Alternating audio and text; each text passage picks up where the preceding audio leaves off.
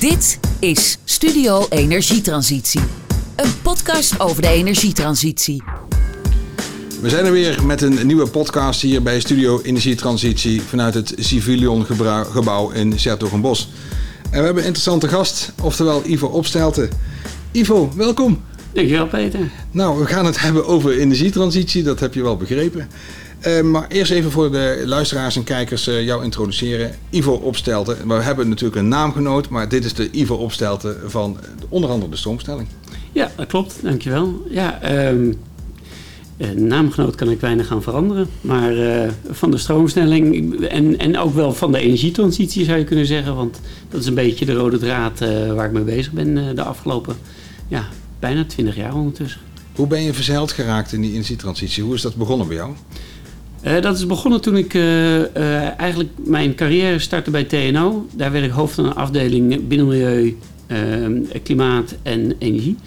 En in die periode gingen we ook samenwerken met ECN, ook een club die bezig hield met een paar van deze onderwerpen.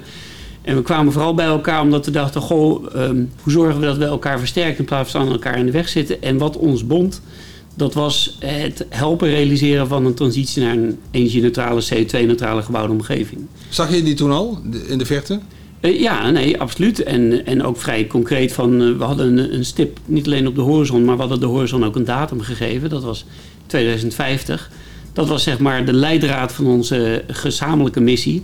Zorgen dat er op dat moment, hè, TNO en ECN, concepten kwamen, technologieën kwamen, waarmee de transitie naar een energie-neutrale gebouwde omgeving mogelijk zou worden. Wanneer speelde dit af en welke tijdsbestek? Ja, ik ben in 2000 begonnen bij TNO en, en de concrete, het elkaar vastpakken voor die ambitie was in 2004 toen we Building Future opzetten. Dat was eh, het samenwerksverband tussen TNO en ECN. En daarna kwam Energiesprong? Uh, ja, niet meteen daarna. Ik ben, ik ben daarna, uh, want ik ben begonnen met TNO. Daarna heb ik vijf jaar ook bij ECN gewerkt. Dus mhm. ik, ik heb aan beide kanten van dat uh, samenwerksband uh, gezeten. En in die periode kwamen de eerste contouren van een plan waar Energiesprong uit is voortgekomen. Dus er kwam een innovatieagenda. die mochten we opstellen in opdracht van, van toen nog From. Nu zouden we dat BZK noemen. En, uh, en daar kwamen de ook beschikbare middelen voor een innovatie-implementatieprogramma, zoals ik Energiesprong wel eens heb genoemd. Uh, uh, wat nu we kennen als Energiesprongen, waar stroomstelling dan weer uit voortgekomen is. Was best, best wel gedurfd, hè? een programma van vijf jaar met behoorlijk wat middelen. Ja, we hadden redelijk wat middelen. En, en wat ons vertrekpunt op dat moment was, dat was, hè, dat, ik noemde altijd even de innovatieagenda. En dat was in feite een opsomming van kansen en belemmeringen uh, en doelen. Dus we, hadden een doel, de transitie naar een toen energie-neutrale gebouwde omgeving 2050. En een opsomming van de belemmeringen die er voor zijn en de kansen die er liggen. Nog niet een uitvoeringsprogramma van en hoe doe je dat dan? En in die tijd, dat vind ik toch nog wel aardig om, om te herinneren, was te doen gebruikelijk dat je dan dus vooral dacht in termen van subsidie naar projecten, naar voorbeeldprojecten. En die hebben ook zeker onderdeel uitgemaakt van de energiesprong.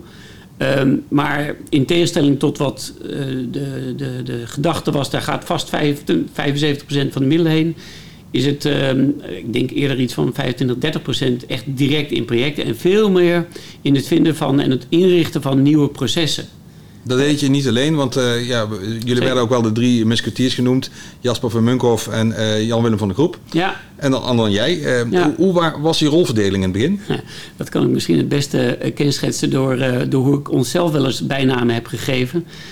dat wij namelijk het, het trio waren van de cowboy, de predikant en de nerd. En de cowboy, dat was één van ons. Ik zeg nu even niet wie welke, dat mogen jullie allemaal zelf raden. Ja. Maar dat was uh, zeg maar een van ons die wat meer op de marketingkant en daar ook veel verstand van had. De predikant, dat was degene die het enorm goed wist uh, over de bühne te brengen. En de nerd die wel vond dat er ook hele goede kloppende sommetjes onder moesten zitten. En dat was wel een beetje mijn rol. Dat was jouw rol. Uh, jullie zijn vijf jaar aan de slag gegaan. Uh, ook een beetje anticyclus. Uh, niet zoals iedereen gewend was in die tijd van uh, hoe je een energietransitie moest gaan innoveren. wat waren nou de belangrijkste kenmerken? Van het programma? Van het programma. Ja, de, de, belangrijkste kenmerken waren dat wij dus in feite ook een, een mix zochten van enerzijds wel degelijk concrete voorbeeldprojecten. En toen we van start gingen was een beetje daar de gedachte... Uh, ja, de traditionele renovatie die betrof een renovatie waarbij je 25% maximaal aan energievraagreductie tot stand bracht. Of duurzame productie in het geheel van, van het concept. Dus nou, 25% veel te weinig. We hadden dus de lat op, als we projecten gaan steunen, dan zijn die minimaal 45% beter energetisch gezien. Uh, en dat moest oplopen volgens de oorspronkelijke doelstelling tot 80% beter. Um, ja, dat, dat was het vertrekpunt. Zo van oké, daar moeten we dan voorbeelden van hebben. Uh, maar we moeten vooral ook dus nieuwe processen ontwikkelen. Dus we hadden concrete projecten die een stukje subsidie kregen. We hadden, uh, nou ja, Slim en Snel kennen veel mensen als een, als een programma waarbij het heel erg zoeken was naar van... we moeten misschien wel wat grotere schaal weten te realiseren. Dus voorbij het losse project denken. En daarmee partijen bij elkaar gaan vinden die met elkaar een wat grotere schaal konden, konden, konden vinden. Waarbij de hoogte van de ambitie nog uh, vers 2 was. Wel minimaal 45%, maar dat, dat zou dan wel weer blijken. En, en dat staat aan de corporatiekant, aan de vraagzijde. De andere kant uh, zat natuurlijk aan die aanbodzijde. Dus aanbodzijde, vraagzijde en tegelijkertijd de conditioneringkant. Uh, Want uh, waar we al snel wel ja, concrete voorbeelden van hadden, al wel in het begin van het programma de manier waarop ons systeem, ook onze wetten en regels zijn ingericht, die zijn niet automatisch om het doorlopen van een transitie te bevorderen. Die zijn doorgaans, je zou kunnen zeggen, de oorzaak van waar we staan. En als je de wetten en regels laat staan zoals ze zijn, dan zul je ook waarschijnlijk blijven waar je bent. Nou, het was niet voor niks een innovatieprogramma, dus ja. er moest iets gebeuren op dat Meer gebied. dan dus technische innovatie, procesinnovatie en zelfs wettelijke innovatie zou je kunnen zeggen. Je zat nog aan het, uh, aan het einde zeg maar, van, de, van de crisis, de, de toenmalige crisis. Nee, eigenlijk bijna in het begin van de crisis. Het programma begon in 2010. Ja, de crisis is officieel in 2008 begonnen, maar begonnen echt wel te voelen in 2010. Dus we zaten midden in de crisis. Het had wel een aantrekkingskracht. Want allerlei soorten van partijen ja. hadden zoiets van... nou, daar willen we over meepraten.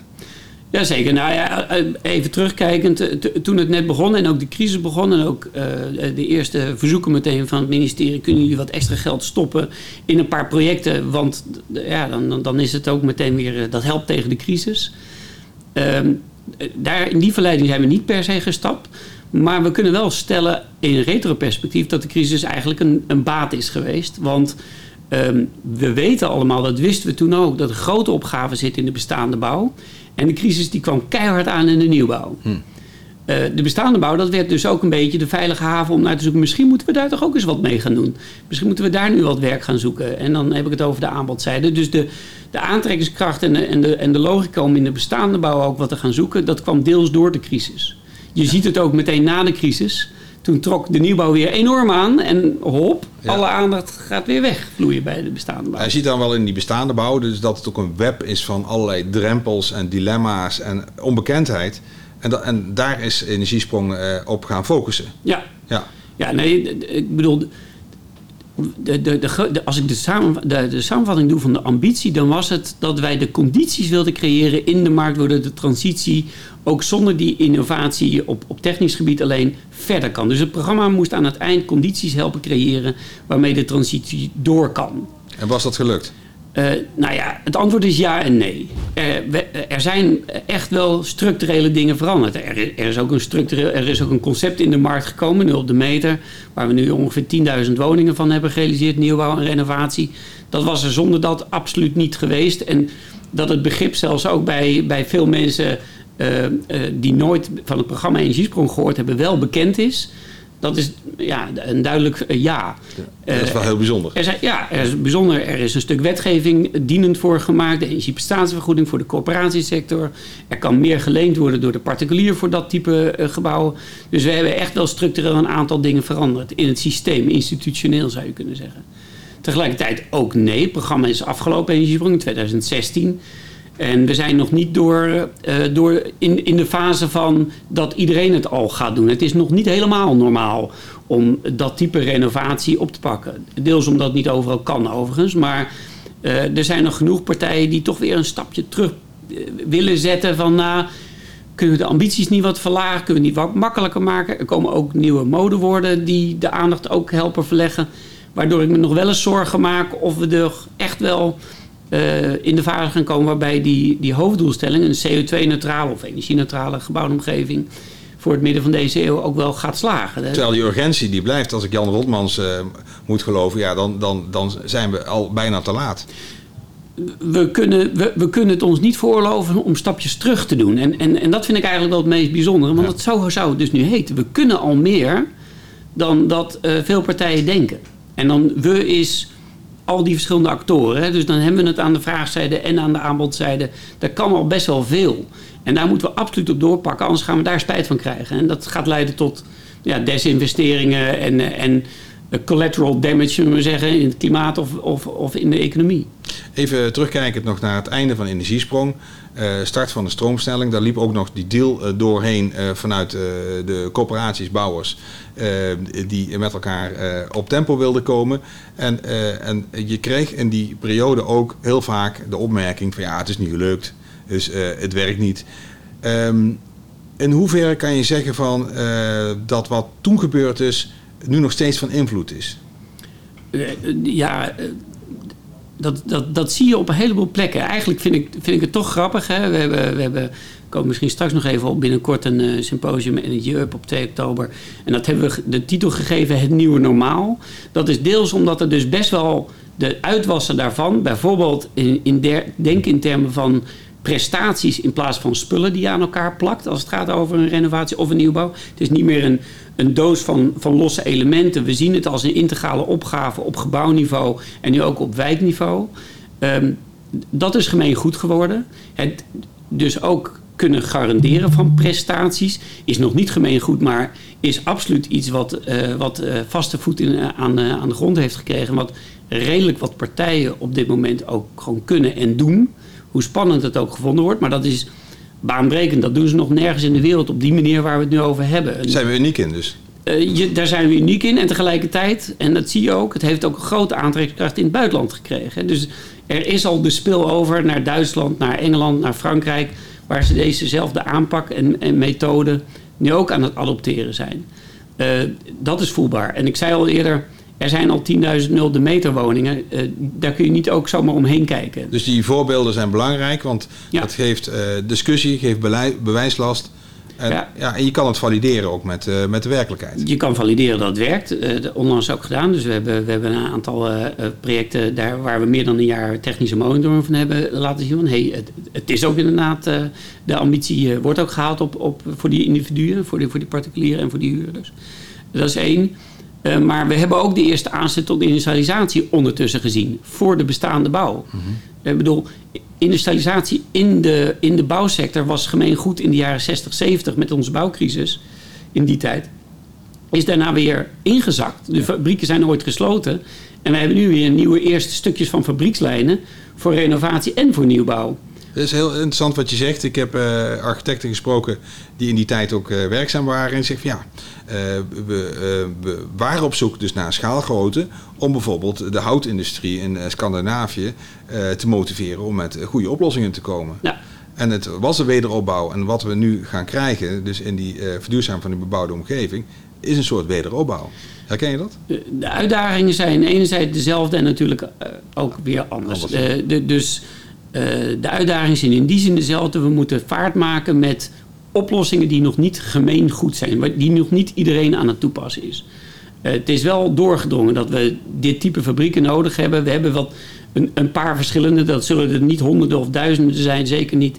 Uh, maar we hebben wel een paar gevelfabrieken nodig, we hebben een paar dakfabrieken nodig. En daar wordt dus ook in geïnvesteerd door een aantal partijen. Tegelijkertijd hebben die nog wel echt de last van het feit dat het nog geen, gemoed, geen gemeengoed is. Bij de deal stroomstelling hebben we destijds gefocust op volume afspreken. waar we achter zijn gekomen is dat we continuïteit moeten organiseren. Want dat is net even iets anders. En, uh, Stromen dus? Ja, inderdaad, bouwstromen. Ja. Dat is wat je nodig hebt. Je hebt een bepaalde voorspelbaarheid nodig. Dat is één, want anders heb je een fabriek die flink aan het produceren is, maar het nog niet kwijt kan. Die moet het dan ergens stallen. Zoveel ruimte hebben we ook weer niet met elkaar. Dus die, die productiestroom die moet afgenomen worden. Anders moet zijn fabriek stilstaan. En ja, dan is de hele business case van uh, gezonde uh, kostprijsreductie door industrialisatie weer onderuit gehaald. We gaan zo door. En ik ja. wil meer weten over wat je vindt van het klimaatakkoord. We hebben hier te gast uh, Ivo Opstelde, directeur van de stroomversnelling bij Studio Energietransitie. Studio Energietransitie. Kijk ook voor de videoversie van deze podcast op studioenergietransitie.nl.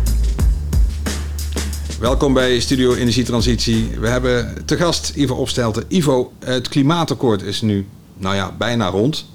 Tenminste, de, de draft zal wel uh, definitief worden. Wat vind je ervan? Ja, je vraagt me wat vind ik van eh, de set van afspraken. Ik vind eerst iets van het proces. Ik, vind, ik vond het een, een razend interessant proces. Want ik mocht er ook aan, aan deelnemen. Uh, wat je daar ziet is dat dus partijen met allemaal verschillende belangen... Uh, moet komen tot één akkoord. Um, en niet zelden zag je in dat proces dat, dat die belangen uh, beter hoorbaar waren dan de doelen. Dat, vind ik, dat, dat is dan heel spannend. Want uiteindelijk is, gaat het klimaatakkoord niet om welk specifiek belang of welke specifieke technologie bijvoorbeeld uh, de winnaar moet gaan worden. Het gaat erom dat de resultaat is dat wij gewoon een goed doorgeefbare aarde creëren. En als Nederland daar onze bijdrage aan hebben geleverd, want anders hebben we daar ook weer de gevolgen van. Dus dat klimaatakkoord dat gaat over een duidelijk doel. CO2-neutrale gebouwde omgeving is daar een onderdeel van. Het klimaatakkoord is ook breder dan dat. Uh, het vereist ook iets van de industrie, van transport, noem maar op. Dus we hebben een aantal uh, hoofdstukken waar echt wel wat moet gaan veranderen. En waar we vast moeten halen aan het bereiken van het doel. En het doel is niet het tussendoel. Uh, ook dat zie je soms te snel gebeuren. Ook, ook aan de discussie zag je dat soms te snel gebeuren. Dus dat betekent 100.000 woningen in dan en dan. En we moeten op een tempo komen van... Ja, dat moet dat tempo komen. Moet ook op het goede prestatieniveau komen. Uh, we zijn nog deels aan het leren wat, wat dat betekent voor verschillende doelgroepen en hoe je daar dan gaat komen. Daar heb je soms al geloven in. Dat is best wel spannend terwijl we het nog aan het leren zijn. Ik denk dat het erg belangrijk is dat we wat we al geleerd hebben gaan benutten. En vervolgens ook beseffen dat we nog niet alles weten. Uh, maar tegelijkertijd, als ik dan ga naar het onderdeel gebouwde omgeving van het klimaatakkoord, ben ik heel hoopvol gestemd. Ik zie uh, in de reacties heel veel vertwijfeling. Ik zie um, uh, van waar moeten we dan beginnen? Wat moeten we dan precies doen? Ik, ik zie zelfs wel um, uh, soms een stukje skepsis. Gaan we toch niet halen? Dat, dat, dat hoor je ook terug. En nog het ergste, je ziet soms cynisme. Ik heb het allemaal wel eens eerder gehoord en het staat er leuk, maar het gaat toch niet, gaat sowieso niet gebeuren. Het is niet meer skepsis, maar uh, cynisme. Dit zijn alleen maar de belangen van een paar partijen die nu gediend zijn. En ik doe niet mee. Ik zit er, terwijl je dit al vertelde... Maar ik, maar ik heb, die wou ik nog even Ja, zeggen. ja, ja. Ik heb overtuiging. Je hebt overtuiging. Ik heb overtuiging dat het kan. Met ook alle afspraken die er staan. Als we vooral ook niet focussen op de afspraak aan zich alleen. Die zijn dienend aan het doel. En we gebruiken wat we al kunnen. En wat we al geleerd hebben. En iets, iets verder weglaten de persoonlijke agenda's van de Ja, verschillende... we- ik bedoel, in, in, bij het klimaatakkoord, en met name in de gebouwde omgeving, dat was, dat was eh, de, de grootste, je zou kunnen zeggen, Poolslandig. Daar waren de grootste diversiteit aan spelers eh, bij aanwezig. En dat, dat is op zich gewoon terecht. Is Want het is een opgave van al die partijen samen, niet van één partij alleen. Nou ben jij een kenner, een expert op transitie inmiddels. Ehm, is dat nou typisch Nederlands? Want ik vraag me dat af als je kijkt, ja, het is onderhandelen. Het is eh, luisteren naar elkaar, begrijpen, een soort consensus zien te vinden. En ook wel doen, hè, want dat willen wij ook wel eh, aan de slag. Is dat nou typisch Nederlands als je dat vergelijkt met eh, de andere landen waar de stroomstelling actief is? Ja, de uitdaging in elk van de landen is verschillend, deels door de systemen die daar al gecreëerd zijn. Ehm, eh, eh, nog voor de stroomstelling, nog voor energiesprong, heb ik ooit in een project ge- gezeten. En dat ging ook over een, een, een, een nieuw concept op wijkniveau proberen eh, ergens in te krijgen. En een van de routes die daar verzonnen was, die noemden ze de Chinese route. En dat sprak meteen tot de verbeelding, want we weten dat als in China de overheid iets zegt, dan gaat het op die manier gebeuren. Los van eh, losse belangen van, van bedrijven. En robuust en voor En eh, robuust en lange noem maar tijd. op. ja. Dus, dus als ze daar maar de goede doelen eventjes voorop zetten, dan kun je er vertrouwen in hebben dat die doelen gehaald gaan worden. Dat- ook dat kost nog wel eens wat. Dus dat is niet allemaal halleluja, want eh, daar, daar gaan ze toch gewoon voorbij aan belangen die heel erg belangrijk zijn. In Nederland hebben we daar veel meer respect voor, al die deelbelangen. En ik denk dat, dat je dat ook echt wel moet hebben. Dus die deelbelangen kunnen je in de weg zitten. Maar als je geen respect en geen inzicht hebt in die deelbelangen, dan gaat het zeker in een land als Nederland ook niet lukken. Eh, dus wat dat betreft, ehm, eh, ja, het is ook typisch Nederland dat wij die partijen bij elkaar aan tafel brengen. Ehm, wat we wel moeten voorkomen is dat we niet het typisch Nederlandse, we laten het, we laten het ook aan die dynamiek zelf over. Er is wel een stukje regie en sturing op nodig. Wat, wat, als het aan jou ligt, eh, waar ligt dan de focus op de komende jaren? Nou, de focus eh, ligt er allereerst op om eh, te zorgen dat bij veel meer partijen de kennis en ervaring die is opgedaan in programma's die hier de bakermat voor kunnen en moeten zijn, ook echt geadopteerd wordt. Dus we moeten echt zorgen dat partijen een running start hebben. Ik vond het wel heel erg aardig dat ze zo'n element als de startmotor bedacht hebben. Maar die is wel bedacht natuurlijk vanuit de gedachte... als we met corporaties gaan praten... hebben we met weinig mensen aan tafel heel veel woningen. Eh, Dat aan zich is nog niet genoeg. Eh, dus die running start betekent wel degelijk dat met, met die weinig mensen... ze allemaal op de hoogte zijn van, van wat partijen al kunnen... wat er aan de aanbodzijde al deels mogelijk is... wat er al industrieel vervaardigbaar kan, voor welke bouwdelen. Dus als wij daar in staat zijn om de vastgoedportefeuilles met elkaar op te lijnen... op wat fabrieken al kunnen... Die, die daadwerkelijk ook, je zou kunnen zeggen, zonder spijt... ook als je niet alles in één keer doet... maar zonder spijt de stappen naar een CO2-neutrale voorraad gaat maken... Uh, dan kunnen we ook echt een, een goede vaart maken. En dan krijg je ook de spillover naar andere doelgroepen. Zijn er goede voorbeelden als het gaat over big data, robotisering, uh, ja, slimmer, sneller uh, met elkaar samenwerken? Zie je al goede voorbeelden ontstaan ik waar zie, we iets mee kunnen? Ik zie sowieso, ik zie op het, op het technische vlak en, en ook op de ondersteunende tools en middelen zoals BIM, zie je dat er, dat er al meer dan genoeg voorhanden is. We moeten het allemaal wel gaan gebruiken, willen, leren, goed gaan gebruiken. Daar moeten we niet meer omheen lopen en niet wijzen naar een ander waarom het nog even niet hoeft. Nou, we gaan even een paar stellingen, een paar quotes uh, voorlezen. Uh, we willen even weten van Ivo Opstelten wat hij daarvan vindt.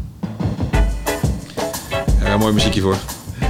Uh, als het gaat over ja, de stelling of keuze, bang of nom, wat vind jij dan? Um, ja, als, als, als zo de harde keuze is voor nieuwbouw nom, want daar is bang helemaal niet nodig. Uh, uh, hooguit zou je kunnen zeggen, bij hoogbouw is NOM nu niet mogelijk als je de strenge definitie zou nemen dat alle duurzame opwek op het perceelniveau op, opgewekt moet worden. Ik zou overigens niet weten waarom we het daartoe willen beperken. We, hebben meer uh, op, op je, oppervlak in de gebouwomgeving dan alleen maar de daken. Ja. Maar als, dus voor de laagbouw is NOM eigenlijk de betere business case, beter haalbaar. Het is op alle, zowel voor de doelgroep particulieren als voor de doelgroep corporaties, is dat uh, de, gewoon geen spijt de beste maatregel. Als het gaat om renovatie ligt het allemaal weer wat genuanceerder. Overigens, daar wordt de keuze Bing of NOM helemaal niet gevraagd. Nee, nee. Dus daar, uh, daar zie je dus uh, niet dat het een vraagstuk is. Daar wordt uh, de nul op de meter is natuurlijk wel iets uh, wat, wat speelt. Hè. Men, men, het is een soort algemeen woord. Misschien wordt hij wel opgenomen in de Dikke van Dalen. Of is dat al gebeurd? Ja, er is, het is al de woord van de dag geweest volgens de Dikke van Dalen. Ja, dat zou zo kunnen. Ja. Uh, maar de definitie wat nu precies... Ja, dat, dat is ook nog een ding op dit moment? Ja, dat weet ik niet. Laten we zo zeggen, er zijn verschillende mensen die er een eigen invulling aan geven. Maar er is een duidelijke definitie. En ik kan het weten, want ik heb hem gemaakt. Ja. Uh, dus in, in die zin is dat helemaal niet zo heel erg ingewikkeld. En in verschillende bewoordingen hoor ik meestal wel dezelfde uh, uh, essentie terugkomen over wat 0 op de meter nou is. En, en, en, als je het wil, wil ik hem best nog eventjes uh, nee, herhalen. Dat, dat, dat, dat, hoeft niet, dat kan, kan, kan men wel daar, vinden. Daar hoeven we niet zo heel erg moeilijk over te doen. Ik denk dat wat veel spannender is, is, is NOM-ready. Wat vervolgens een nieuw begrip is gaan, gaan worden. Omdat, Zogenaamde geen spijt? Ja, de, de, de spijtvrij aanpak om te komen tot NOM. En, en mind you, NOM 0 de meter is één van de eindpunten die je kan halen met een gebouw. Uh, maar niet met elk gebouw. En bij sommige gebouwen zou je als je kijkt naar de definitie van NOM-ready, die er ook ondertussen is, uh, eigenlijk alleen maar NOM-ready uh, kunnen doen. Want dan heb je opwek buiten perceel nodig. Nou, dat is ook een manier om er naar te kijken. Nou, daar wordt nu naar gekeken in de, ja. in de wijkaanpakken ja. bijvoorbeeld. Ja, nee, absoluut. Ik heb er nog zo eentje. Uh, komt u weer. subsidies, zijn die essentieel in deze fase? Um, ja, en dat is weer deels doelgroep afhankelijk is het antwoord. En subsidies moeten we altijd heel erg goed beseffen, is sowieso een tijdelijk instrument. Het is een marktverstorend element, maar het is soms ook wel een noodzakelijke marktverstoring die je daarmee uh, te werk brengt. Want de markt werkt nog niet altijd goed genoeg.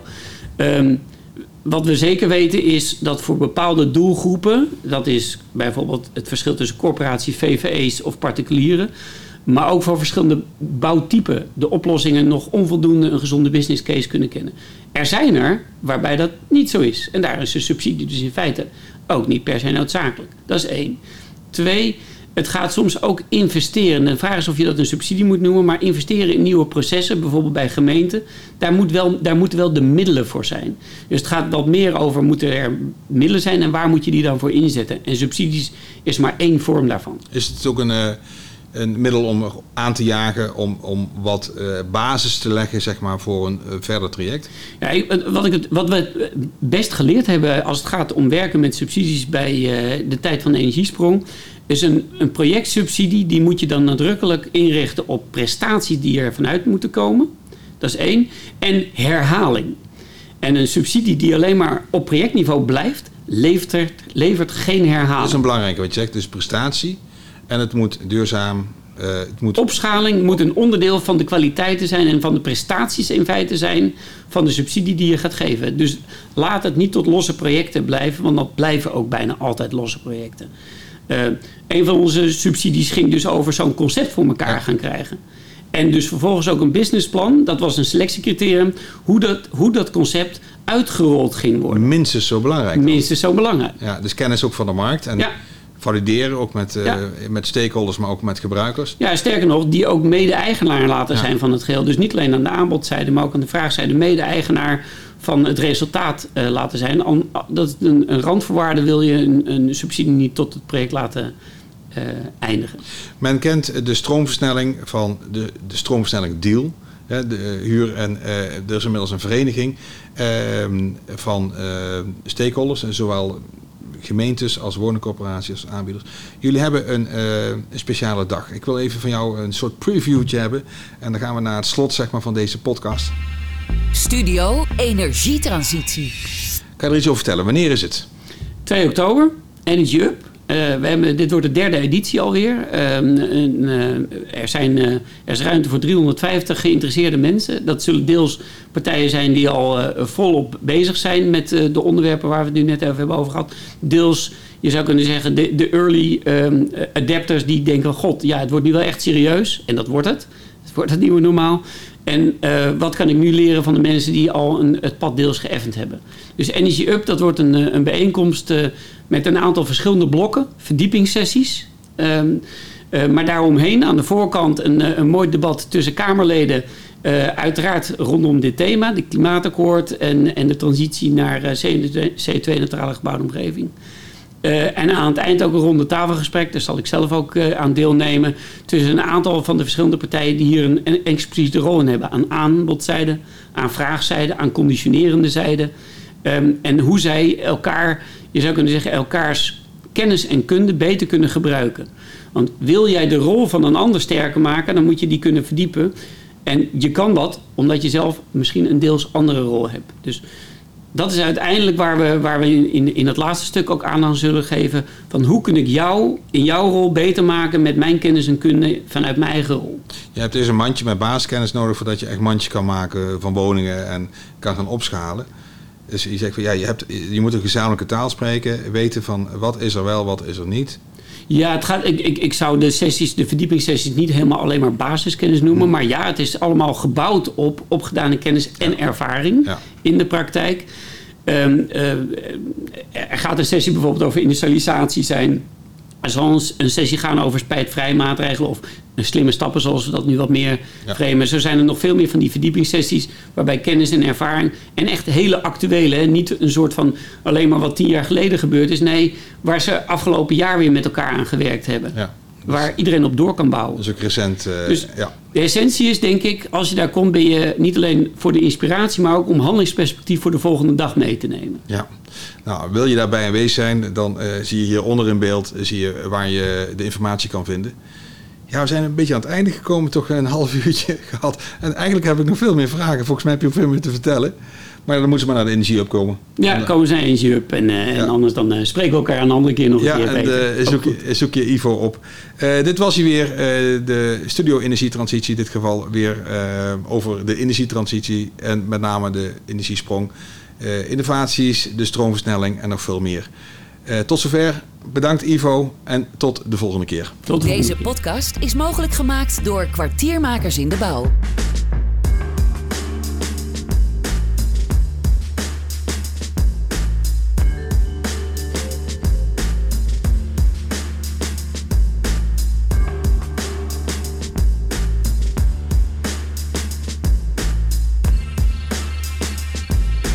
Weten over de achtergronden van deze podcast? Kijk dan op studioenergietransitie.nl.